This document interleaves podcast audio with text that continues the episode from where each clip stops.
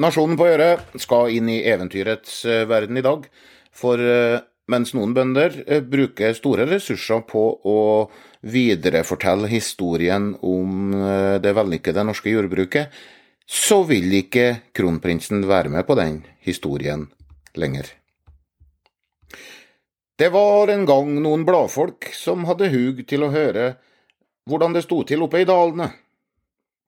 Da de kom til Telemark, gjorde de holdt i ei bygd, Tinn hette det der. Fager var bygda, både flatt og bratt. Men bøndene hadde latt kyrne slakte.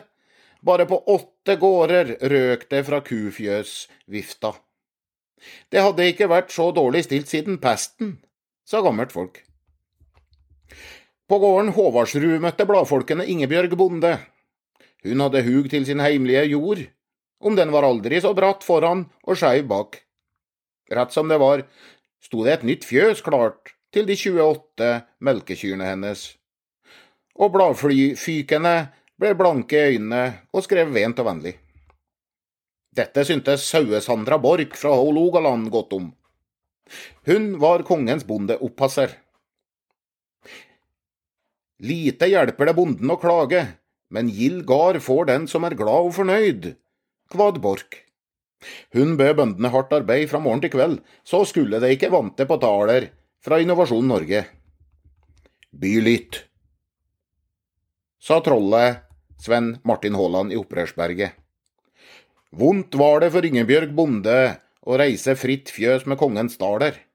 Hun måtte selge tre teiger i fjellet og legge attåt.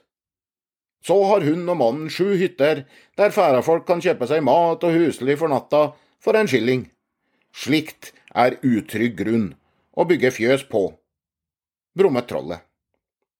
Men Sauesandra og trollet Sven Martin kampedes, satt kongssønnen Håkon på Skaugum, kongsgården ute i Asker.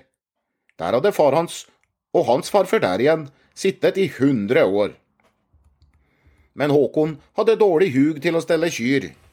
Han stundet støtt etter å dra over fjell og isbre med ski og kamera, og å danse keitete og høre på spillemenn inne i Kristiania. Derfor ville han rive bort kufjøset og få lager igjen. Der kunne byfolk betale for å legge fra seg slikt som de hadde plukket opp, men ikke hadde plass til, mente kongssønnen. Lageret ville han bygge i jern og kobber. Siden mange byfolk var enig med kongens miljøhird i at det var stor skam at vakker skog skulle hogges til planker og tak. Fogden syntes vel om at kongssønnen ville rive fjøset sitt, siden han var så lei av kyr. Dessuten var det så rent for mye melk i landet. Men å bygge lager på kongsgården, det var å bryte kongens byggeforbud på matjord, mente fogden på. Andre likte dårlig at kongsgårdens åker og eng skulle leies ut til omreisende treskere og fattige leilendinger. En rørlegger i Asker gikk til Budstikka og klaget. Istedenfor 110 feite kyr på grønt gras, skal det nå bli lagerbygg i kongens gård. Der det før jobbet tre fjøskarer, skal det nå sitte en gårdsgutt og ta imot rot og rask, som en annen høker i Pipervika, mente rørleggeren på. Der setter vi strek for eventyret. Om vi bruker næringsjournalistikkens språk, kan vi si at uh, i Tinn må matprodusenter konvertere fast eiendom, og i tillegg subsidiere matproduksjonen med midler tjent på turisme, for å fornye bygningsmassen. I Asker gjør kronprins Haakon og kronprinsesse Mette-Marit som andre bønder gjør, regne på drifta og tilpasse seg deretter. Det er vanskelig å få matproduksjon til å gå rundt rent økonomisk slik naboene Kari Anne og Hans Fredrik Aaby skriver her i avisa. Ja, det betyr noe hva kronprinsparet gjør. Skaugum ligger i Askers tusenårssted, nemlig kulturlandskapet rundt Semsvannet. 300 rødlistearter lever i dette området, et landskap som er avhengig av beitedyrene, som nå også kronprinsen har slutta med. Middelaldergården Skaugum er en skygge av seg sjøl, slik alle bruk i solnedgangen får lange skygger. Også mitt eget. Men jeg er uenig med kritikerne i at våre gårdsbruk er uten identitet.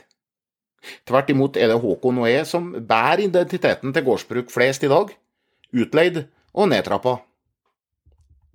Verdens kongehus og bønder har det til felles at deres makt har svunnet hen. Deres overlevelse ligger i evnen til å oppdatere seg. De museale verdiene metter få odelsbårne i slott eller våningshus. Vårt eget kongehus har i de siste tiåra vist en evne til å ligge i fronten av samfunnsutviklinga. Altså ikke foran, men i front.